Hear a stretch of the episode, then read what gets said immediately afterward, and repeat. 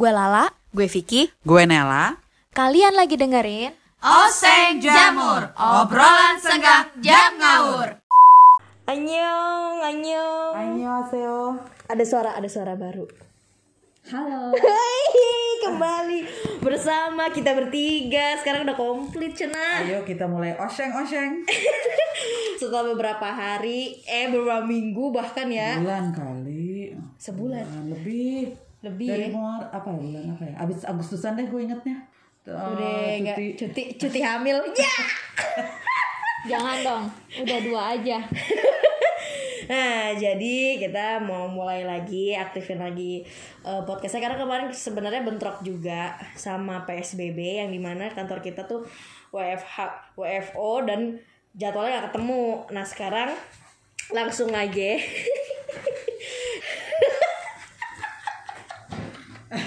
Vicky lu belum apa udah ketawa. ah. lagian, lagian mukanya Mbak Lala kayak gue Najwa Shihab dia ini dokter terawan gitu. Nah, capek deh lo. Bye. Nah, sekarang gini, Mbak. Coba lo lo kasih tahu dong lo cerita dong lo ke mana aja gitu. Lo habis keluar negeri ya, Bun? Deg-degan ini ditanyain Vicky begini. Anjir. Gimana lo, Bun? Lo ke mana? Ke mana ya? Mau cerita dari awalnya nih. Iya dong, iya dong. Deg-degan lo gue. Eh, apaan sih lo? Apaan sih lo? Geblek. Karena ceritanya sedih. Jadi dia ini ceritanya sedih mungkin jadi Lala harus mempersiapkan Mental. mental. eh kayaknya ini episode pakai bawang nggak Vicky? Enggak lah, enggak lah, enggak bawa bombay udah, lah. Udah, udah, udah, ini Udah ya. happy, bicara happy. ya. Udah happy, tapi nanti kalau dibahas lagi gimana ini? Ya nggak apa-apa. Eh. Biar biar ini buat pembelajaran, biar saling sharing jadinya kan Iya. eh, biar tahu menghadapinya dengan Bagaimana? semangat bagaimana untuk Lala lewatin itu semua. Oke? Tapi Ya kalau kalau ini YouTube mah enak mbak, lo nangis ningkatin rating ya bun Ya, ini ibarat nih nanti udah langsung trending topik. Ya, enggak. Udah. Nah coba deh, coba deh lo Mulai, ngomong Kenapa, mbak. Lala. Vicky? Kenapa? Mau cerita apa? enggak, lo cerita apa? ceritain dari lo kenapa kagak masuknya, terus ada apa gitu ya kan? Jadi gini teman-teman. Asik. Nih biar teman-teman buat pengetahuan, buat pengalaman juga, mungkin ada yang ngalamin hal yang sama ya kan? Iya betul. Atau eh, yang belum ngalamin, alhamdulillah jangan sampai. Jadi kan terakhir masuk kantor tuh tanggal berapa Habis ya? Agustusan. Tanggal 19. Tanggal Iya. 19 Agustus masuk kantor. Tapi sebenarnya di kantor juga Bun udah cerita-cerita Hmm. tentang kondisi mantan pacar. Asik. Mantan pacar. Bapaknya anak-anak. Papahnya anak-anak. Terus kalau di rumah lagi demam. Hmm. Terus aku pun sendiri udah cerita nih sama dua rekan podcast. Asik. Kok gue nggak bisa nyium bau apa-apa ya? Tapi yang satu si Vicky slow. Bunda Uni agak gimana tapi nggak mau ngomong. Dan gue sendiri masih nggak ngerti apa-apa gitu kan, cuman hilang aja penciumannya gitu, mandiin anak-anak nggak kecium bau sabunnya, ngepel juga nggak kecium bau karbolnya gitu. Cuma eh, kondisinya pun cerita kalau eh, suami lagi demam di Iya. rumah. Kok demam gitu kan belum turun. Udah kan te- terakhir masuk tanggal 19 pokoknya 19 Agustus ya? Agustus deh Oh iya, abah ulang tahun ya kan? Tanggal 17. Heeh, benar benar benar. Terus tapi tuh di rumah udah pada meriang kan hmm. nah ya udah terus pas besoknya tanggal 20 Agustus karena udah kayaknya udah nggak Nafsu makan Uh-uh, berkurang ya. makannya juga di rumah udah nggak sesuai apa namanya kalau dikasih makan nggak pernah habis terus demamnya masih naik terus. Pertama minta beliin obat kan obat biasa. Karena dipikirnya itu tipes. Mm-mm. udah aku nggak kasih kita mutusin buat ke rumah sakit terdekat. Mm-mm. pas di rumah sakit terdekat ya udah di apa fototoraks. Hmm. Di fototoraks ternyata hasilnya kurang bagus.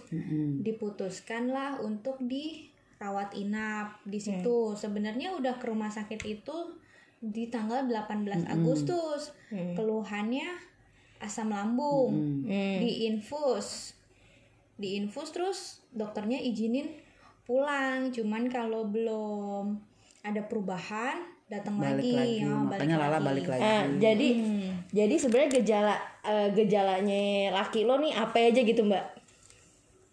gejalanya awal pertama gejalanya ya itu asam lambung. Asam lambung kayak cuma muntah-muntah, muntah-muntah gitu. muntah. Pokoknya perutnya Perut perih. Sak- oh perutnya perih, oke oke oke. Terus terus. Eh, apa perutnya perih. Biasa kayak mahnya kambuh Iya, aja iya, gitu. oke, oke.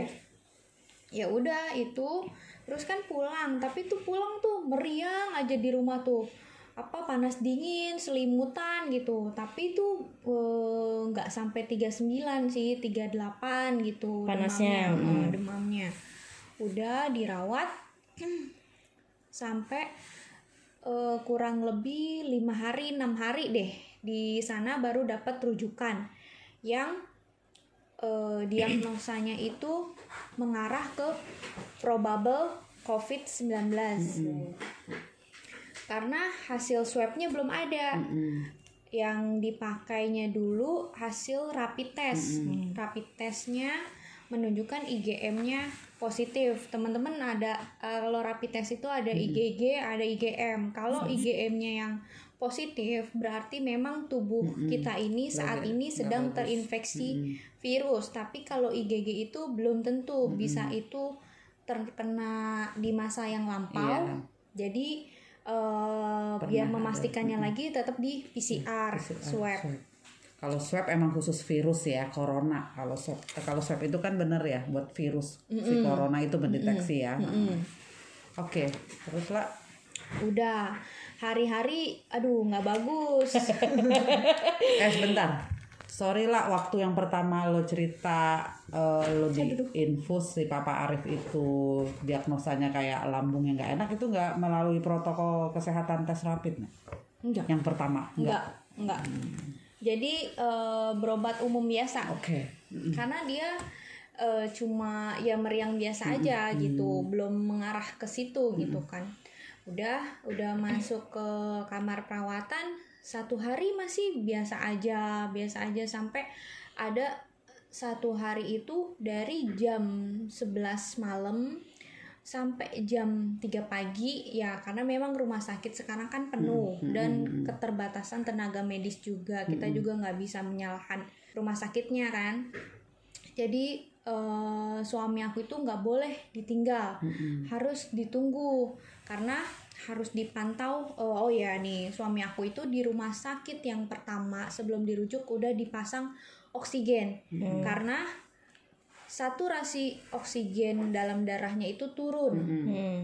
itu itu yang juga menandakan ke arah COVID. Covid.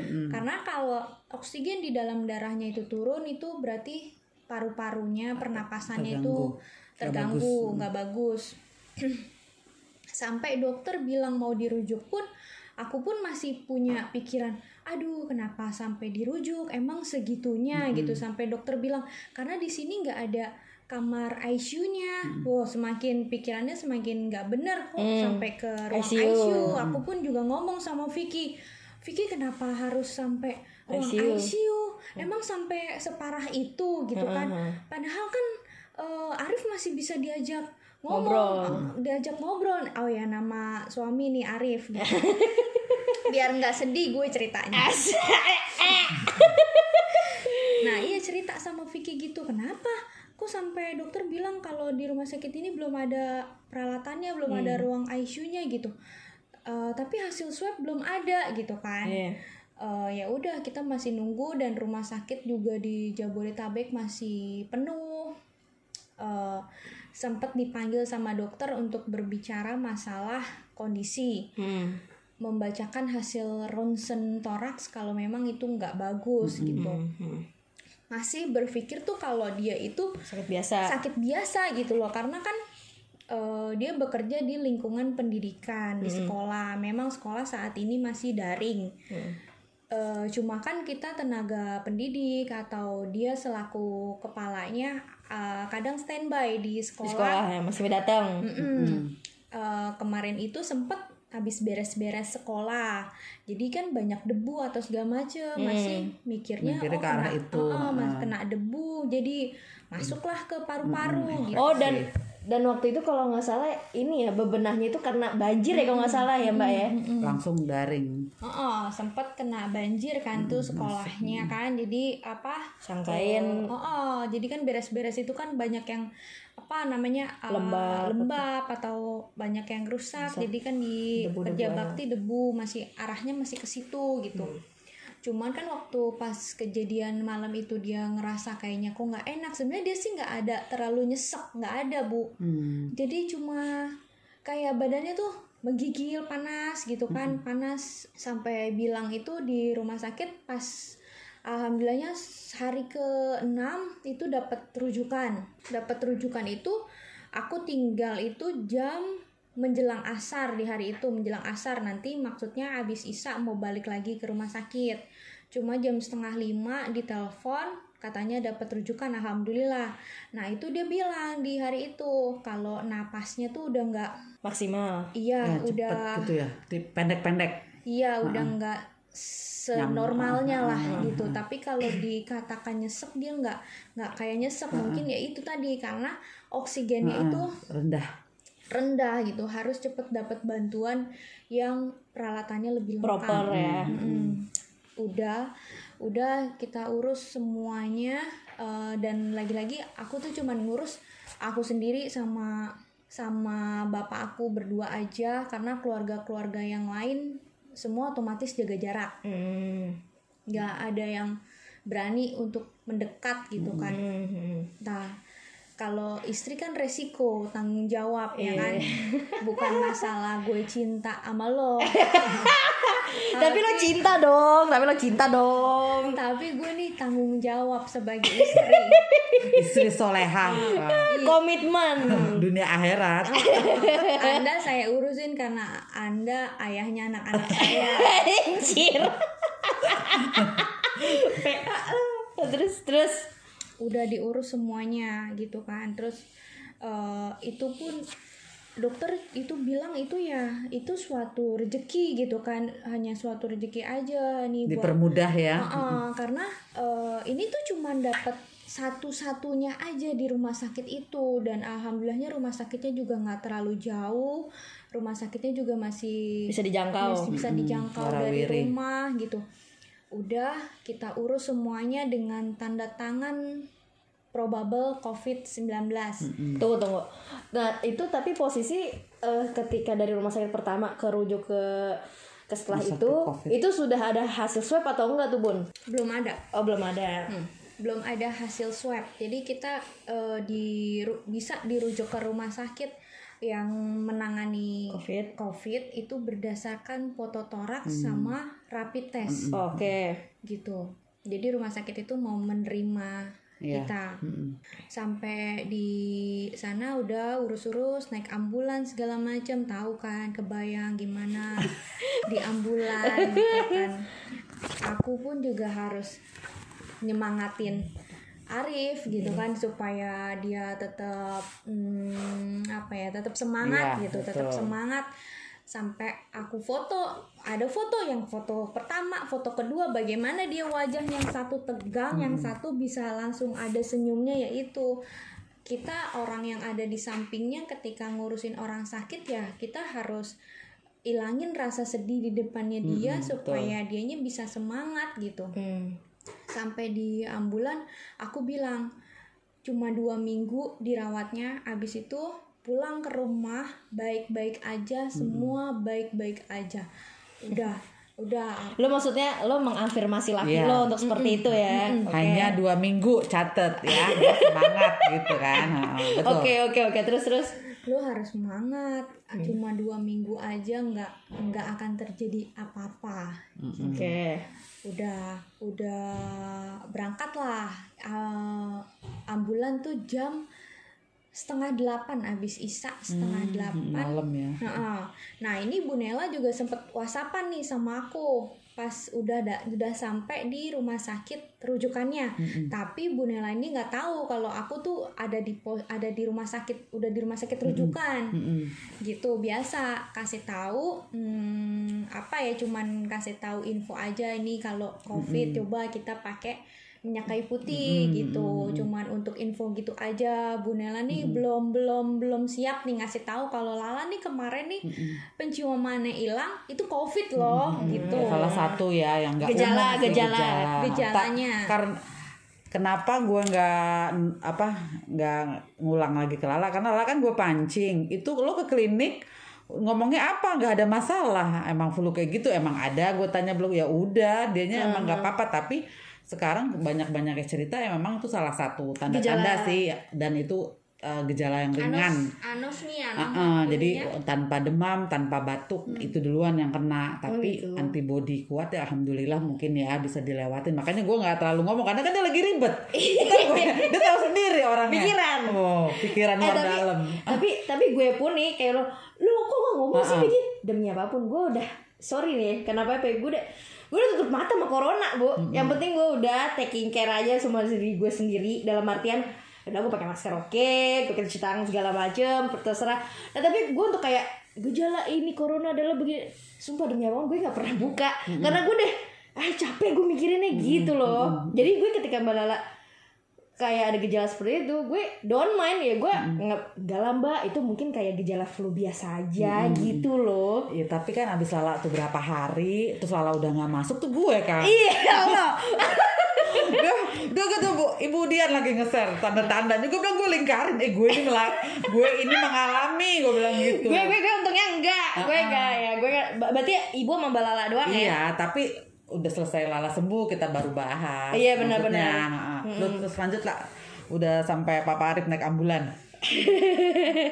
Iya, whatsappan lah sama Bu Nela kan. Iya Bu, ini aku alhamdulillah Arif udah dapat rumah sakit rujukan gitu, nggak terlalu jauh gitu, masih di daerah itu ya rumah sakit pertama di Jakarta Selatan, rumah sakit kedua di Jakarta Pusat. Nah, rumah ini di Jakarta Selatan, tapi ke pusat itu nggak terlalu jauh. Jadi rumah lo di Jakarta Selatan tapi ke pusat nggak jauh oke. Jadi enak aksesnya ke sana tuh nggak nggak jauh gitu. Udah udah di sana agak tenang sebenarnya gitu kan tapi ternyata belum tenang gitu. Masih menghadapi hal-hal yang tidak diduga gitu. Hmm. Oh, ya udah masuk hmm, di UGD dulu. Pertama datang di UGD belum boleh ditinggal. Belum boleh ditinggal sampai masuk ke kamar perawatan. Hmm. belum boleh ditinggal. Tapi aku tinggal jam 10 malam karena mengingat anak-anak masih kecil di rumah masih butuh masih butuh ibunya pulang dulu karena yang satu juga masih nyusu. Hmm. Eh, Arif suami aku titipin sama ada tetangga yang dengan baiknya mau nunggu Arif dulu di sana sampai nanti besok pagi baru eh, kita pikirin lagi gimana gimananya yang jelas selama di UGD nggak boleh ditinggal ya udah kita ada satu orang di sana. Nah udah dong aku pulang. Udah udah agak plong sebenarnya Arif udah dapat rujukan. Cuma ternyata jam setengah dua pagi handphone bunyi. Dapat telepon lah dari rumah sakit. Harus eh, menyetujui atau tanda tangan tanda tangan yang kemungkinan hal-hal hal-hal yang meri- mengerikan bisa terjadi gitu Hmm, hmm, hmm. karena Arif ini mau ditaruh di ruang ICU ICU yang sempat aku deny kok sampai masuk ke ruang ICU emang nggak. Iya. bisa di kamar rawat Biasa biasa, aja, aja, gitu kan lagi-lagi itu berdasarkan saturasi oksigen di dalam darahnya yang memang rendah Hmm, Jadi itu harus jaga bener-bener 24 Iya. jam. karena satu karena teman-teman itu saturasi oksigen kita tuh minimal banget itu 93 atau 95 Hmm, hmm. Nah, posisi Arif ini oksigennya itu 84 atau 86, kadang 84, kadang 86. Nah, itu kan masih kurang beberapa poin gitu, yang mungkin agak jauh juga poinnya. Harus ditelepon dokter jaga, hmm, kemungkinan-kemungkinan yang aku inget ini mau dimasukin ke ruang ICU. Pokoknya aku inget itu harus kalau kemungkinan terjadi ga, gagal napas eh, ini mau dipacu jantung yang mengakibatkan tulang rusuknya bisa patah Oh, oke. gitu itu itu salah satunya dan yang lain-lainnya yang nggak nggak aku inget pokoknya aku cuman jawab sama dokternya itu lakukan yang terbaik dokter karena saya udah nggak bisa apa-apa selain doa dan minta dokter lakukan yang terbaik Hmm. apa pun itu saya setujui Iya. nah Mm-mm. jadi menyetujui hal-hal itu melalui lewat telepon Mm-mm. Oh, bukan datang, bukan datang gitu, Bun. Oh, jadi melalui telepon. konfirmasi by phone Oh, Oke, oke. yang tanda tangan di sana yaitu yang tetangga yang udah aku titipin Oh, oke. atas nama, atas nama. Mm-mm. Ya udah keesokan harinya oh uh, agak-agak bisa tidur melek tidur melek aku di rumah kayak gitu kan. Karena pikirannya masih aduh kok di ruang ICU gitu kan. Aduh bagaimana ini? gitu. Tak, tak merem tak merem mata merem tidur tapi pikiran tuh nggak bisa tidur. Sampai menjelang subuh pagi aku coba telepon. Telepon Arif nih. Handphonenya mati aduh ya Allah. Udah dong. Gue panik. Eh, tapi pasti nggak kenapa-napa gitu. Kalau terjadi apa-apa pasti rumah dokter sakit telepon gitu. Nggak apa-apa kali ya udah deh lah tenang dulu gitu kan. Telepon lah aku ke rumah sakit gitu. Alhamdulillahnya keangkat dan disambungin ke hmm. suster jaga. Aku tanya bagaimana suster? Kondisinya Pak Arif? Kok saya telepon ke handphonenya nggak aktif? gitu. Oh stabil bu Eh, tadi saya baru lihat lagi tidur. Gitu. Oh alhamdulillah gitu kan. Nah udah sampai jam 8 pagi deh baru bisa telepon gitu baru bisa komunikasi dengan peralatan alat-alat yang lengkap. Hmm. di, di badan Arif uh, dengan namanya di ruang ICU pasti alatnya semuanya terpasang gitu kan terus nggak belum bisa makan sendiri. Jadi suster yang bantu makan karena semua tangannya tuh banyak alatnya. Hmm. udah hari pertama masih dalam kontrol kita baik-baik aja. Sampai ada hmm, hari di hari ketiga atau hari kedua di rumah sakit. Aku whatsapp nih aku whatsapp Bunela kayaknya sebelum berangkat ke rumah sakit deh sebelum berangkat aku whatsapp Bunela aku bilang bu ini hari-hari aku masih berat. terasa berat banget. Membayangkan hal-hal yang negatif lah. Pasti namanya manusia pasti ada lah terlintas kalau sampai terjadi apa-apa hal yang paling terburuknya gitu kan. Udah aku berangkat karena dipanggil sama dokter hari itu dipanggil sama dokter berangkat itu aku ingatnya tuh itu hari Jumat hari Jumat dipanggil sama dokter tapi dokter jaga mau bicara sama keluarganya. Udah aku berangkat ke sana berdua sama bapak aku aja. Ketemulah sama dokter. Dokter menyampaikan kalau memang ini oksigen di dalam darahnya belum stabil belum naik gitu. Karenanya dokter penanggung jawab dan dokter anestesinya memutuskan untuk dipasang Ventilator. ventilator Hmm.